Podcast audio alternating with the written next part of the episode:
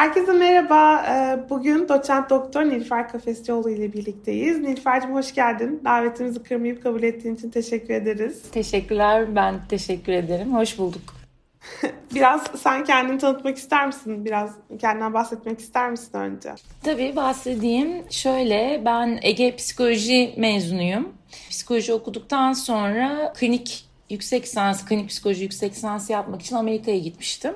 Orada e, işte klinik yüksek lisansı yaparken bir aldığım bir seçmeli dersten çok etkilendim aile terapisiyle ilgili. Ondan sonra Purdue Üniversitesi'nde yine Amerika'da çift ve aile terapisi alanında doktora yaptım. O doktora bittikten sonra işte hemen neredeyse Türkiye'ye döndüm. 2008 yani bayağı oluyor döneli.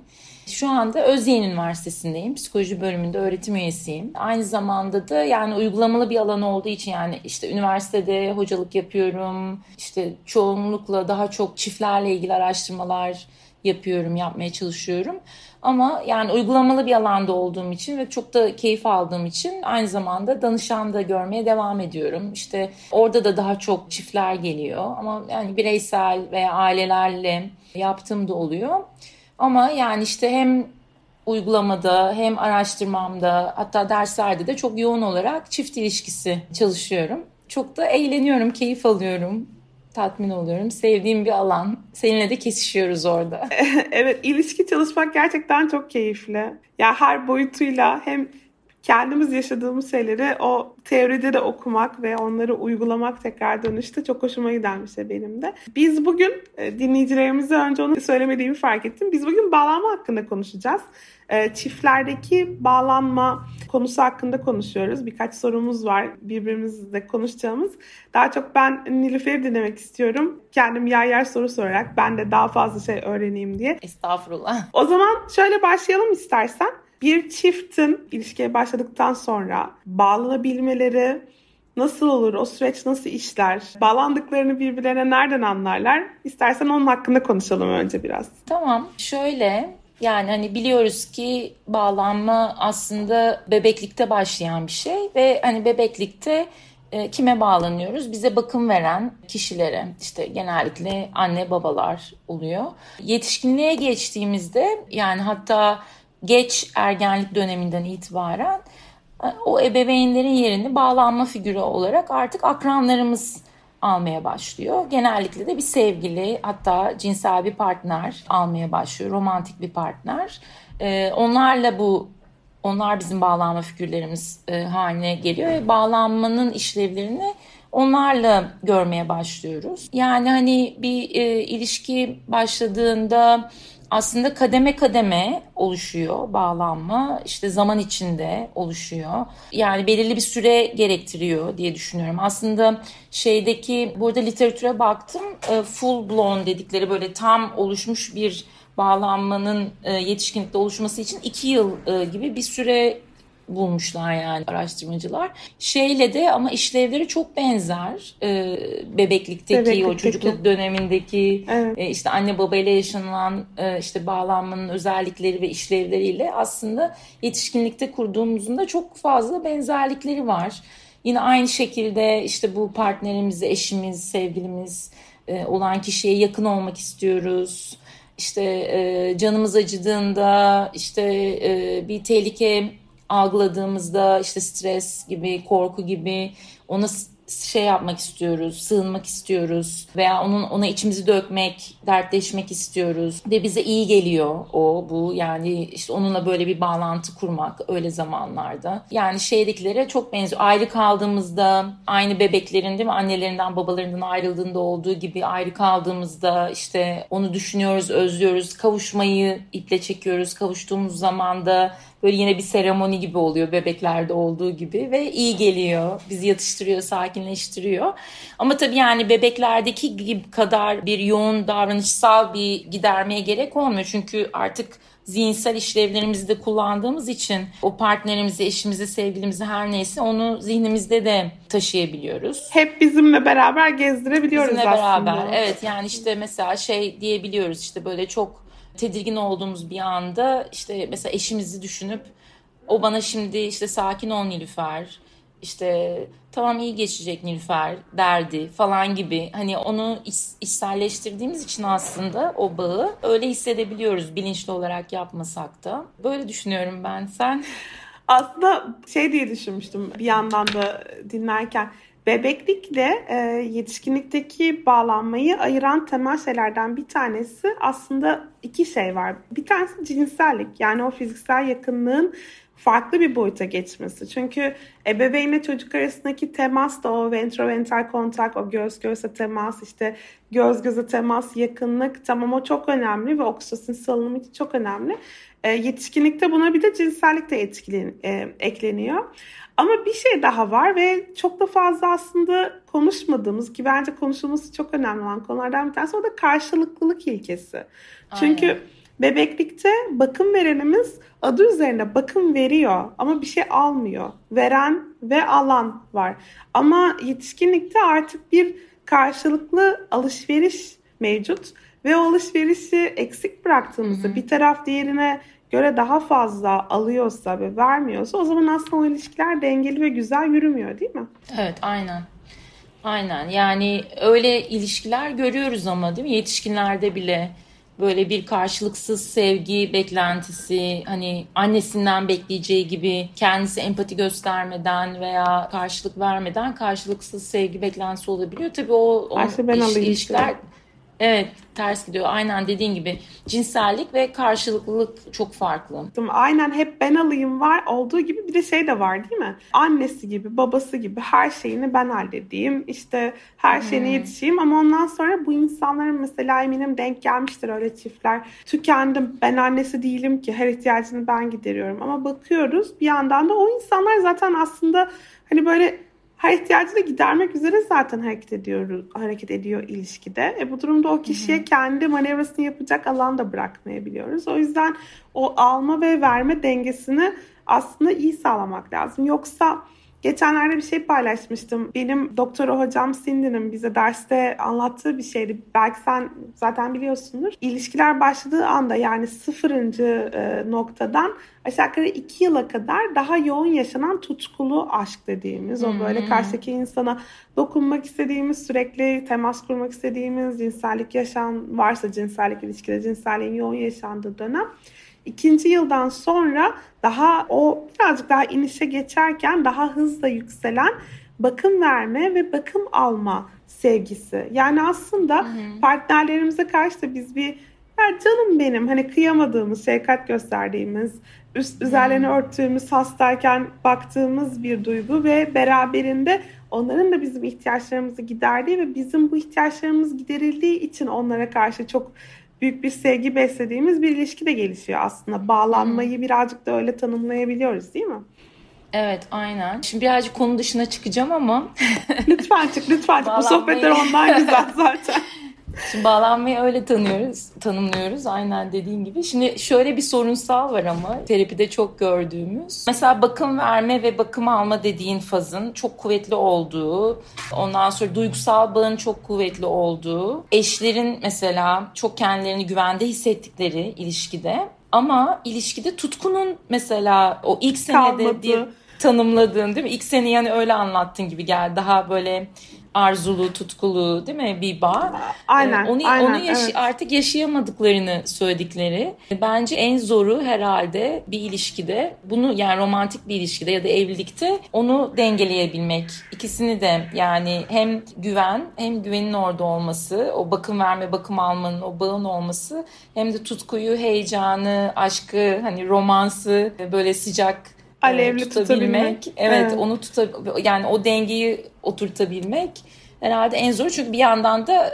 hayatta bir sürü başka şeyler oluyor tabii çiftlerin hayatında. Tabii. İş sorumlulukları, işte çoluk çocuk şu bu falan, korona şu anda mesela? Aynen öyle. Yani çok zor bir denge gerçekten. Tabii tabii. Şimdi şunu düşünün yani e, mesela bir evlilik özelinde bile düşünsek evlilikten öncesinin apayrı kendince sorunları var. Evlilik özelini düşünelim. Yani birlikte olan çiftlerin Sadece iş söylediğin gibi iş, çocuk, bazen yetişkin ebeveynlerin bakımı veya işte finansal problemler derken o günlük problemleri yetişmekten çiftler birbirlerine veya tutkuya vakit ayıramıyor. O zaman şimdi bizi dinleyen herkesin aklında aynı soru vardı. Doğal olarak soracağım ben bunu sana.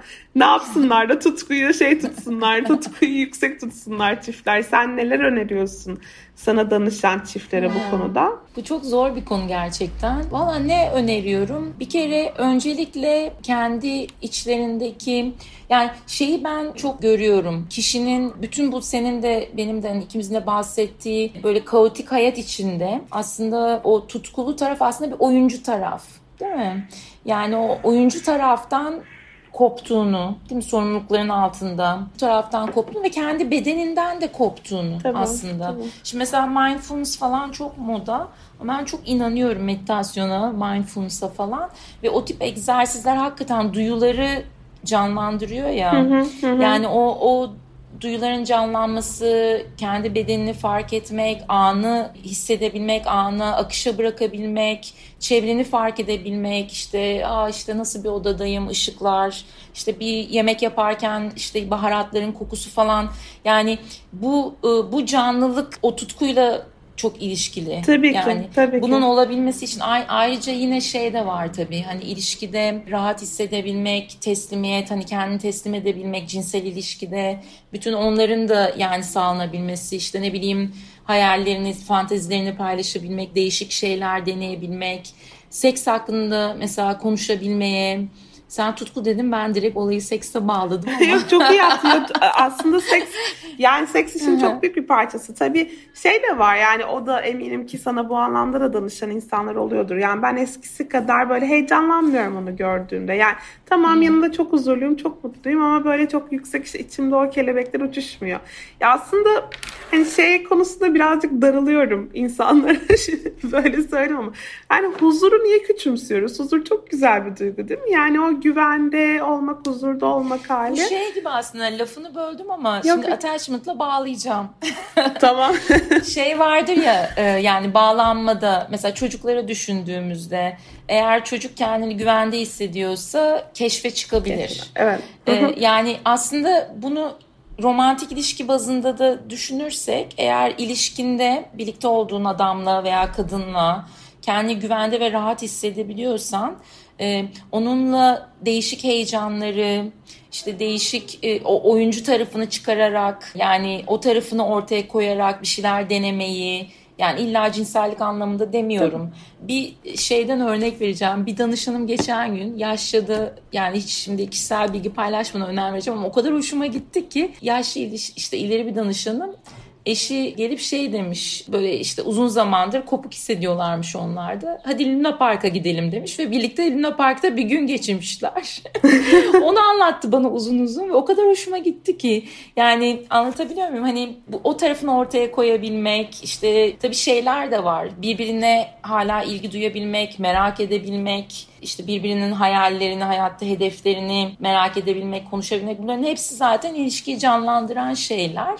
Ama sadece bakım vermek değil yani. Değil onsuz, tabii ki. Tabii, tabii ki. yani onsuz bu da bir bakım gerçi aslında değil mi yani? Bu da bir, birbirini e, besleyen şeyler zaten. Yani az önce söylediğin şey çok güzeldi bence. Güven güvendiğin yani kendi huzurlu hissettiğin bir ilişkide keşfedebilirsin. Yani cinsellikle hmm. keşifle hem kendini, kendi hmm. vücudunu hem bir başkasını, başkasının vücudunu keşfetmekle çok ilişkili.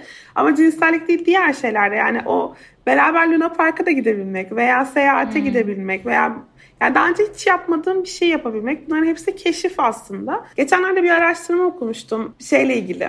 Yeni jenerasyon evlilikler yani şu anda 30'larında olan insanları daha çok kap yani böyle 25 ve 30'lu yaşlardaki insanları kapsayacak şekilde şu anki evliliklerin eski evliliklere kıyasla daha farklı olduğunu. Çünkü eskiden insanların böyle daha yani birbirimizi seviyorsak tamam hani o hmm. bizi götürür. Ama şimdi insanların birbirlerinden hayallerimi gerçekleştirmek, kendimi evet. gerçekleştirmek için bana destek olacak birini istiyorum. Ve bunu yapan hmm. partnerle daha mutlu oluyorum ve birlikte kalıyorum duygusunu yansıttığını bulmuş. Eli Finkel var o hmm. evlilikler üzerine yaptığı bir, bir araştırmasında.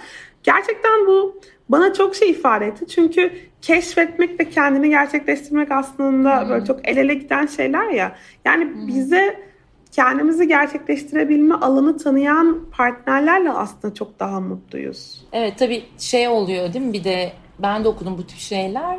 Dolayısıyla o nesil evliliklerde aslında beklentiler de çok daha yüksek. Farklı tabii. E, ve tabii daha çok aşk evliliği oluyor yani hani böyle işte finansal, maddi veya e, başka türlü işlevleri yerine getirmekten çok daha işte senin dediğin gibi kendini gerçekleştirmek, aşk gibi e, yani o, o, o tip hedeflerle seçilen eşler oluyor herhalde. Beklentiler de daha fazla oluyor. Tabii, işte boşanmalar da o yüzden daha fazla oluyor. Daha fazla ya da oluyor tabii. Yani bu da şey yani hani kritik etmek için değil ama hani bunun ekstreme gittiği noktada da şunu düşünmek gerek. Hani onu söyleyenler de var her şeyi bir ilişkiden beklemek de e, aslında değil mi o ilişkiyi e, yıpratacak, yoracak bir şey. Çok yani hem arkadaşlığı, seksi, işte hobilerini birlikte yapmayı, kariyerini birlikte desteklemeyi. Her şeyini evet e, hani e, entelektüel şeyi, e, paylaşımı hepsini o yüzden insanın hayatında böyle bir yani kendini de beslemek gerekiyor. Başka şeylerden de beslemek gerekiyor ki oraya da çok fazla herhalde aşırı yüksek beklentilerle odaklanmamak için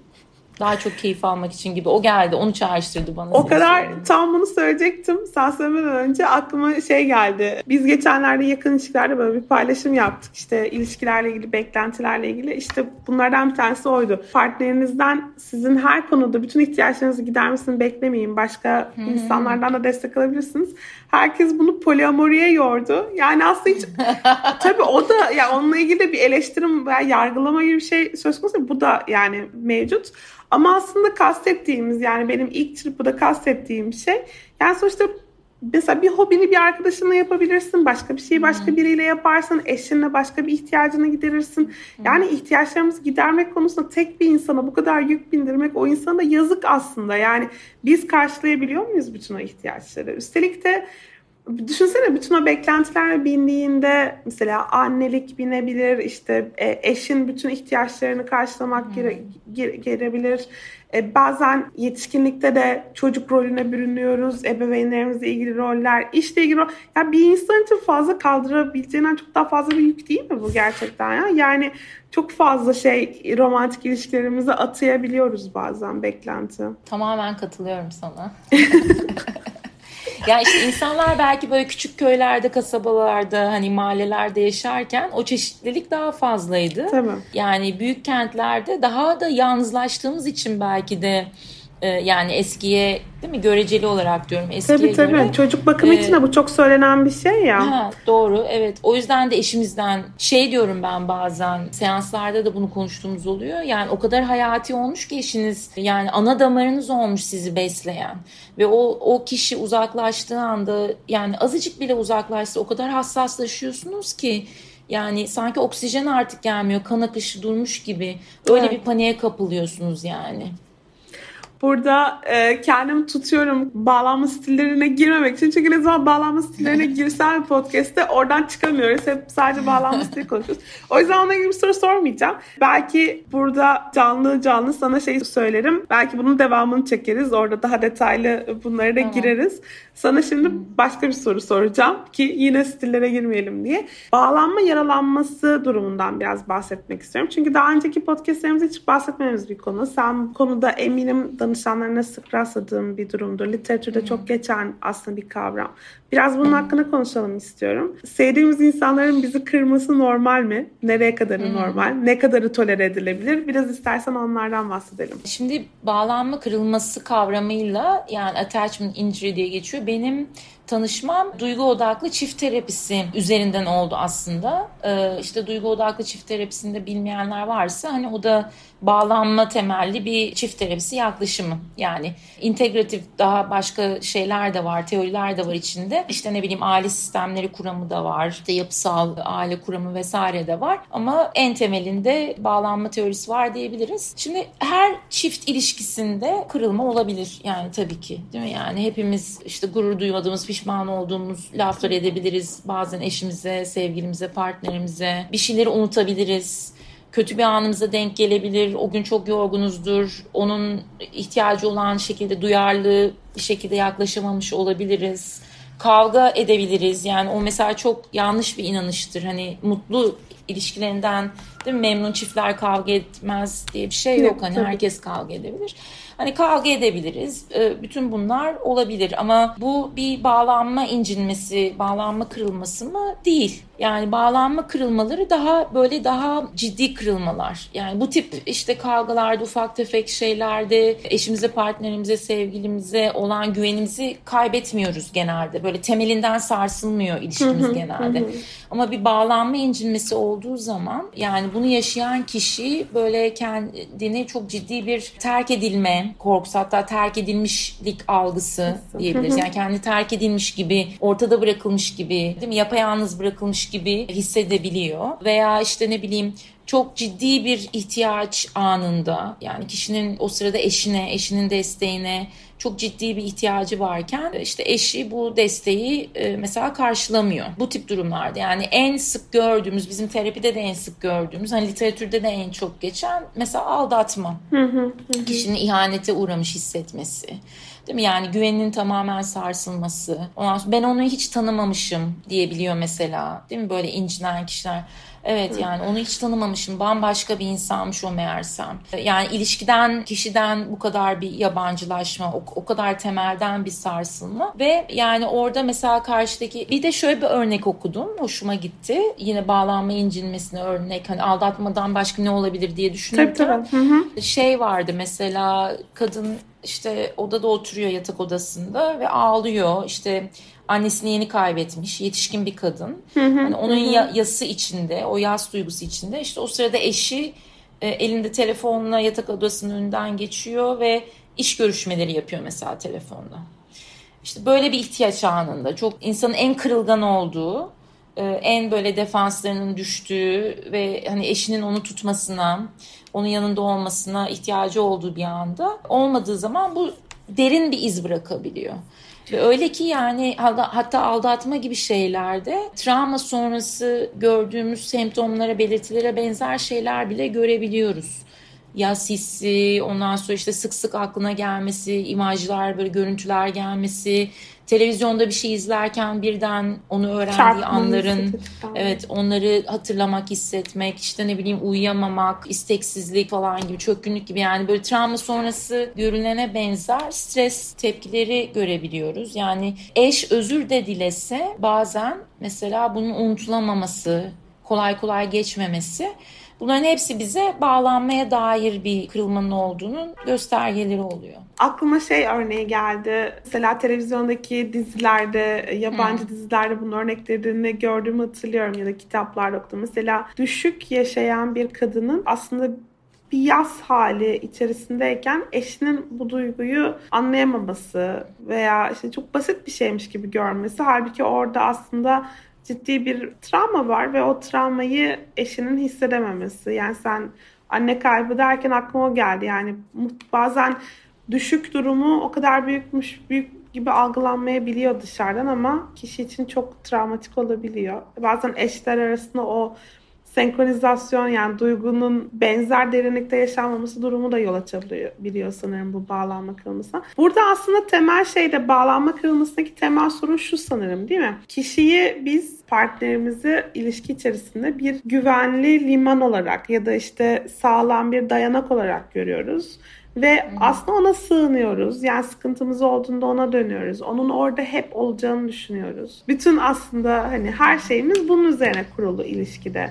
Ama bir aldatma durumunda veya böyle bir yokluk halinde o kişiyi bulamadığımızda bir anda o oluşturduğumuz bütün imaj paramparça oluyor. Ve evet. sanırım terapide yapmaya çalıştığımız şey de o kişiyi tekrar bir güvenli liman olarak, tekrar bir güvenebileceğin, sığınabileceğin bir insan olarak betimlemeye çalışmak. Şimdi eğer eşler şöyle bir paterne düşerlerse, böyle bir şöyle bir iletişim döngüsüne düşerlerse işte saldırı veya suçlama karşısında işte kaçma, işte ne bileyim savunma bir taraf hı hı. suçluyor, suçluyor, suçluyor. Öbür taraf işte savunuyor, savunuyor, savunuyor. inkar ediyor veya savunuyor. Mesela savunma şöyle mesela aldatma örneğinden gidecek olursak işte ben bu ilişkide çok şey hissediyordum. Ne bileyim işte tatmin olmuyordum ya da senin beni sevdiğini hissetmiyordum. O yüzden aldattım seni gibi. Yani bu tip savunmalarla, inkarlarla geldiği zaman karşı taraf öbür tarafta da tabii daha böyle gitgide dozu artan bir şekilde suçlamalar oluyor. Hani bu döngüye kapılındığı zaman bir bağlanma incinmesinin geri dönmesi, tamiri imkansız oluyor. Orada Hı-hı. bir kopuşa doğru gidiyor yani. Yani bizim de evet, terapide yapmaya çalıştığımız şey aslında ilk önce o döngüyü bir durdurma ve buna bir ilişki travması gibi davranmak, herhangi bir kırılma yani bize gelen tabii çift terapisine gelen çiftlerin hepsi de bağlanma yaralarıyla gelmiyorlar. Yani bu tip incinmelerle gelmiyorlar. Çok farklı konularla gelebiliyorlar ama bu tip böyle özellikle aldatma gibi konularla gelenler de oluyor. Ha şöyle şeyler de oluyor. Çok enteresan. Ben ona da unutamadığım bir örnek olmuştu. Bir bir danışanım böyle çok yoğun duygularla yani sanki o an yaşıyormuş gibi işte eşinin eşiyle yaşadığı şeyi anlatıyordu. Seans eşi de yanında bu arada. Yani çok ağlayarak, çok yoğun duygular içinde yani ben böyle onun acısını görüyorum, hissediyorum o an, dinliyorum. Sonra yani ve de ilk görüşmemiz henüz tanımıyorum onları. Dedim ne zaman oldu hani bu olay? Merak ettim çünkü. 8 yıl önce dedi. O yani kadar atamamış üstünden. Yani evet işte etkisi ne kadar kuvvetli ki yani o an bile ben karşısında oturuyorum yabancı bir kadın. Yani böyle karşısında oturuyorum ve onun o acısını hissediyorum o an. Yani o kadar taze yaşıyor o an içinde. İşte o mesela herhangi bir kırılma değil. Orada hakikaten bağlanmada bir bir kırılma olmuş yani. Ama hani bu geri dönüşü olmayan bir şey değil. Hani iki tarafta gerçekten motive ise ve istiyorsa yani bunun işte mesela bu duygu odaklı çift terapisi dediğim modelde de adımları var. Böyle çok işte araştırmalarla da tespit edilmiş desteklenen böyle adımları var. Yani onları da konuşalım mı? İstersen konuşalım. İstersen yani tamam. çok kısa kısa konuşalım. Havada bırakmayalım. İnsanlar tamam, merak hadi. edecekler. Çok azıcık e, şey yapalım istersen dinleyicilerimize. Evet.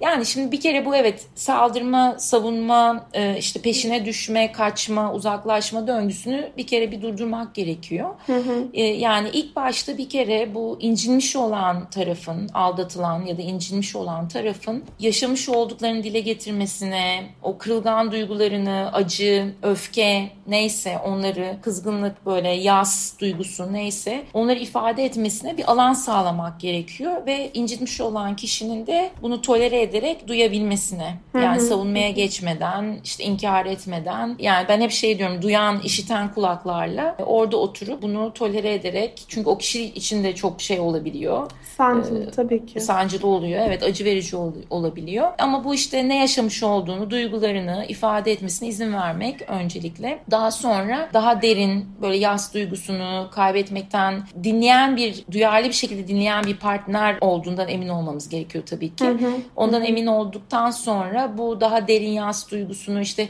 aslında partnerini kaybetmekten mesela ne kadar yoğun bir korku yaşamış olduğunu ifade edebilmesi, bunun ne kadar büyük bir tehdit, bir tehlike olarak yani onda kendisinde böyle yaşadığını ifade edebilmesi hı hı. ve bundan sonra da bu işte incitmeyi gerçekleştiren partnerin kendi payına düşen sorumluluğu ıı, üstlenebilmesi. Yani pişmanlığı gösterebilmesi. Bunlar böyle yani ileriki adımlar. En son adımda da yani bu bu tabii bu pişmanlığın, bu sorumluluğu almanın çok samimi olması gerekiyor.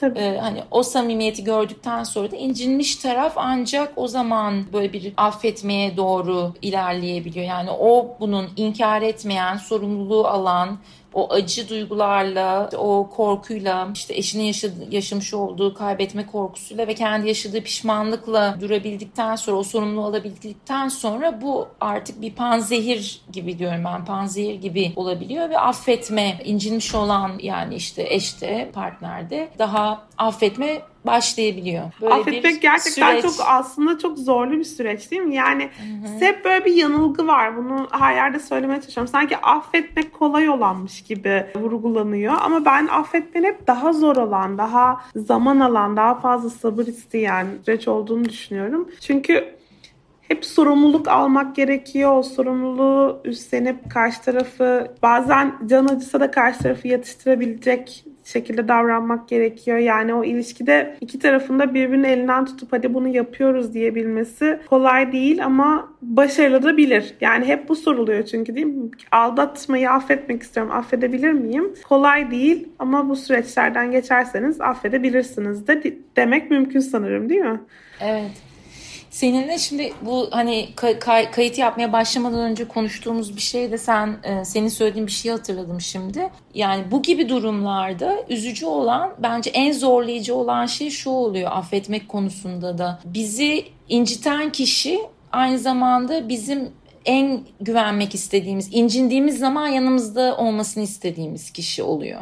Yani hem bizde o yarayı açan oluyor hem de onu pansumanını yapıp bizi affetme kıvamına, e, affedebilecek e, duruma getirmesine ihtiyaç olduğunu düşünüyor. Yani o da çok büyük bir ikilem. Düşünsene yani o kişi Tabii. incinmiş olan kişi için yani o kişiye hem ihtiyacın var çünkü o senin en iyi dostun, sevgilin, hep sırtını dayamışsın, güvenmişsin. Şimdi diyorsun ki bu bambaşka bir kadın, bambaşka bir adam tanımıyorum ben onu. Ama en çok da ona yine ona ihtiyacım var yine onun seni sakinleştirmesine, yatıştırmasına, geçecek, bu geçeceğine dair sana güvence vermesine ihtiyacım var. Zaten çok iniş çıkışlar olabiliyor o yüzden bu süreçte.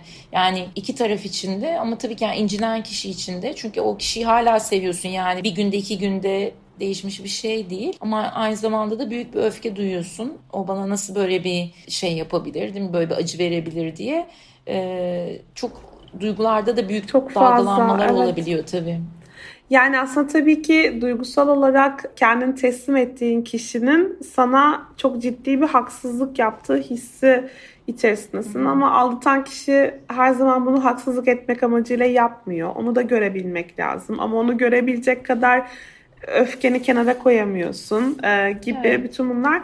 Bu aklıma şey getirdi. Aslında istersen son olarak bunun hakkında konuşalım. Hı. Bence biz bir daha bir podcast çekeriz. E, bununla kalmaz gibi hissediyorum. Bu bahsettiğimiz aslında İngilizcesi ambivalence olan bu işte hem kızgınlık hem sevgi. Hmm. Bir yandan çekip gitmek istiyorsun çünkü canın çok hmm. yanıyor orada kaldıkça ama bir yandan da çok seviyorsun ve mesela geri bıraktığın çok ciddi yıllar ve hatıralar ve aslında umudun da var. Yani yapabiliriz hmm. diye de hissediyorsun. O e, ikililik hali, ikilem duygusundan biraz bahsetmek istedim. Çünkü şöyle bir araştırmamız olmuştu bizim. Aslında bütün ilişkilerde yani romantik olması gerekmiyor illa. Yani anne babamıza karşı, kardeşimize karşı, çocuğumuza karşı bütün yakın ilişkilerde bir ikililik duygusu var aslında. Yani ilişkinin doğasından gelen. Çünkü düşünsenize yani mesela annemizde yani çok seviyoruz ama bir yandan da çok kızabiliyoruz. Yani bana, bana bunu nasıl söylersin yani nasıl yaptın ya da çocuğumuzla. Ama aynı şey çok fazla vaktimizi geçirdiğimiz ve çok yakınlık kurduğumuz, çoğunlukla evimizi paylaştığımız, çok yakın alanımızı paylaştığımız partnerlerimizle bu çok daha mümkün. Çünkü ikimizin de bir karakteri var. İkimiz de kendi istediğimiz olsun istiyoruz. Uzlaşamamak çok doğal. Öyle olunca da sürekli bir bir yandan kızgınsın ama bir yandan da seviyorsun o insanı.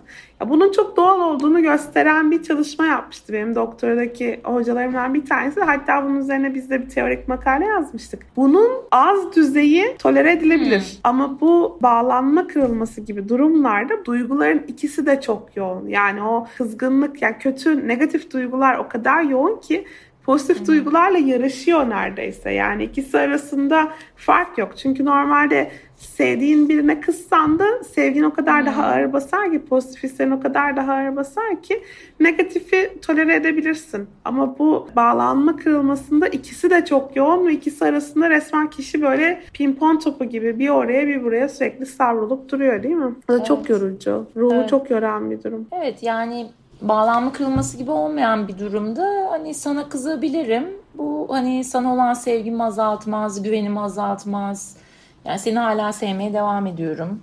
Hani ben sana kızsam, öfkelensem hatta kavga da etsek hani senin beni sevdiğin ne olan güvenimi de kaybetmiyorum. Değil mi? Bir şey söyleyebilir miyim burada? Çok özür dilerim böldüm. Bizim kızımla hmm. böyle bir anlaşmamız var. Bazen ona hmm. kızdığım zaman şöyle öğrettim.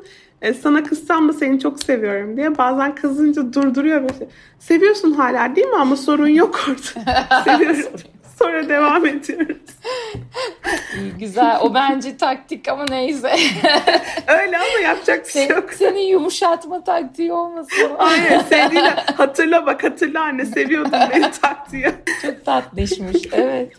Evet yani aynen bak. Evet yine çocuk e, ebeveyn şeyine değil mi? Ne tabii, kadar tabii, benziyor. Aynen, aynen. Şeyde de öyle yani yetişkinlerde de öyle değil mi? Yani hani eşimle kavga ediyorum kızıyorum diye tamam artık sen beni sevmiyorsun hadi hoşçakal olmuyor. Ama yani bağlanma kırılması gibi bir kırılma olduğu zaman e, güvenden güvensizlik noktasına gelmek yani çünkü orada ilişki aslında ilişkideki bağ aslında tehlike altında yani Evet. ilişki kan kaybediyor. Yani hani o kadar nasıl şey yapayım bilemedim. Hani orada hani ufak bir sürtüşme, kavga, yanlış anlaşılma, duyarsızlık gibi bir şeyden öte bir kırılma olduğu için tabii duygular da senin de dediğin gibi çok daha yoğun, çok daha sivri.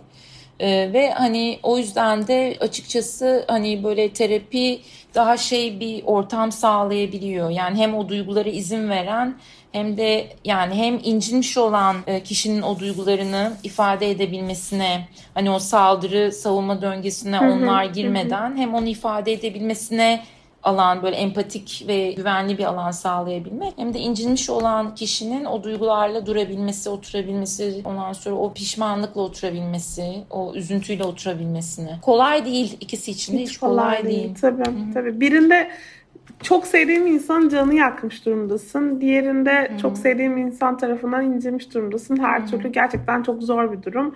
Ama yani bu anlamda profesyonel destek çok önemli. Onu hmm. vurgula, vurgulayalım. Yani sen de zaten çok güzel söyledin. Çünkü her zaman duygularımızı hissetsek de onları ifade edemeyebiliyoruz veya tanımlayamayabiliyoruz. Yani o biz aslında böyle bir yoğun duygu bulutu gibi böyle üzerimizde geziyor ama içinden çıkartıp ya şunu da hissediyorum. Şimdi bu var gibi bir şey yapamayabiliyoruz. Özellikle de çok yoğunken o duygular. O yüzden bir e, profesyonel destek alabildiğimiz bir alanda onları tanımlayıp onlar hmm. üzerine konuşabilmek, karşımızdaki insanlarımızı dinleyebileceğini ve anlayabileceğine güvendiğimiz bir yerde bunu yapabilmek çok büyük bir önem arz ediyor. Şeyler çok olabiliyor. Yani aldatmış olan eş mesela samimi olarak pişman, samimi olarak özür diliyor ama e, mesela evde şey yapabiliyor. Yani artık kendisi bir önce iyileşmeleri ve bu konuyu kapatıp yani tekrardan ilişkiyi rayına oturtabilmelerini istediği için öbür eş tetiklendikçe, konuyu tekrar getirdikçe çok defansif ve şey davranabiliyor. Tamam yeter artık bunu konuşmamızın bir faydası yok. Özür diledim ya falan gibi davranabiliyor. Ondan sonra ama çok sarpa sarıyor tabii. Bu sefer diğer eş sanki işte benim yaşadığımı minimize ediyor. İşte benim yaşa benim ne kadar kırılmış olduğumu demek ki anlamadı anlamadıysa gerçekten pişman değil, gerçekten pişman değilse de tekrar edebilir gibi böyle bir düşünce zinciriyle yani çok karamsar bir şeye girebiliyor. Oradan tabii. çıkılmıyor tabii.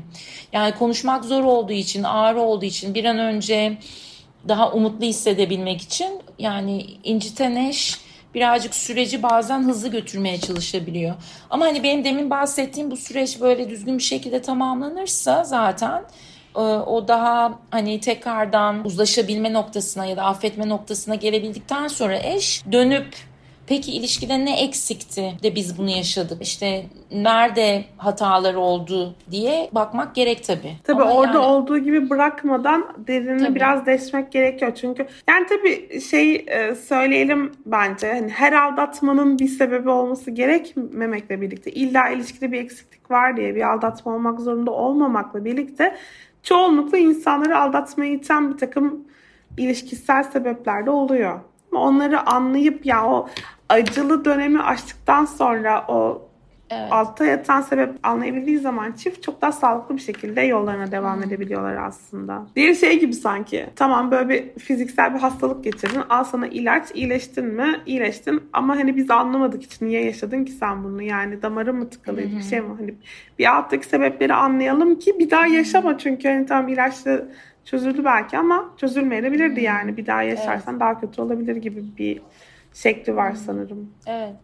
Ama işte mesela direkt oradan başlarsak ilk ilk en başında neler yanlış gidiyordu ilişkide ne oluyordu yani ya da e, ne ihtiyaçlar vardı dile getirilemeyen karşılanamayan vesaire. Hani direkt oradan başlarsak bu sefer aldatılmış olan eş suçlanıyormuş gibi hissetmeye başlıyor. Yani işte o yüzden önce onun duygularını bir böyle ortaya sermek, işlemlemek, diğer eşin hani o pişmanlığını, sorumluluk kendi payına düşeni üzerine almasını, inkar etmemesini, savunucu olmamasını bir yaşamak hani o uzlaşma noktasına önce bir gelmek gerekiyor ama sonra mutlaka evet dönüp ne yaşandı da peki yani böyle oldu? Bir dönüp bakalım. Şimdi ne istiyorsunuz ilişkinizden? Bundan sonrasının değil mi? Nasıl olmasını istiyorsunuz gibi çalışmak gerekiyor. Bizim e, bu podcast e, aldatma üzerine olmaya başladı. tamam tamam o zaman ama burada... en, en en önemli örnek olduğu için çift ilişkisinde çok haklısın. ikimiz de oraya gidiyoruz. ya aldatma zaten yani o kadar çok o konuda soru geliyor ki e, bu konuyu hmm e, çiftlerle birebir çalışan bir kişiyle de bu bir uzmanla da bu sohbeti yapmak bence de çok iyi oldu aslında. Yani birçok soruyu bence cevaplandırmıştır bu. Nilüfer'cim o zaman burada şimdilik bu podcast'i sonlandıralım ama bence biz tamam. seninle bir podcast daha en az bir podcast daha çekeriz gibi hissediyorum. Tamam çok teşekkürler. Çok teşekkür ederim tekrar katıldığın için. Çok benim için çok keyifli bir sohbetti. Benim her zaman öyle. her dakika güzel konuları konuşmasak da sohbet çok keyifliydi. Evet aynen. Çok, Çok teşekkür ederim tekrar katıldığın için. Görüşürüz. Hoşçakalın bütün dinleyicilerimize. Eğer hoşunuza gittiyse takip edebilirsiniz. Eminim şuralarda bir yerde bir şeyleri basarsanız bulabilirsiniz bizi. Yakın İlişkiler kanalımızdan takip edebilirsiniz. Sevgiler, hoşçakalın.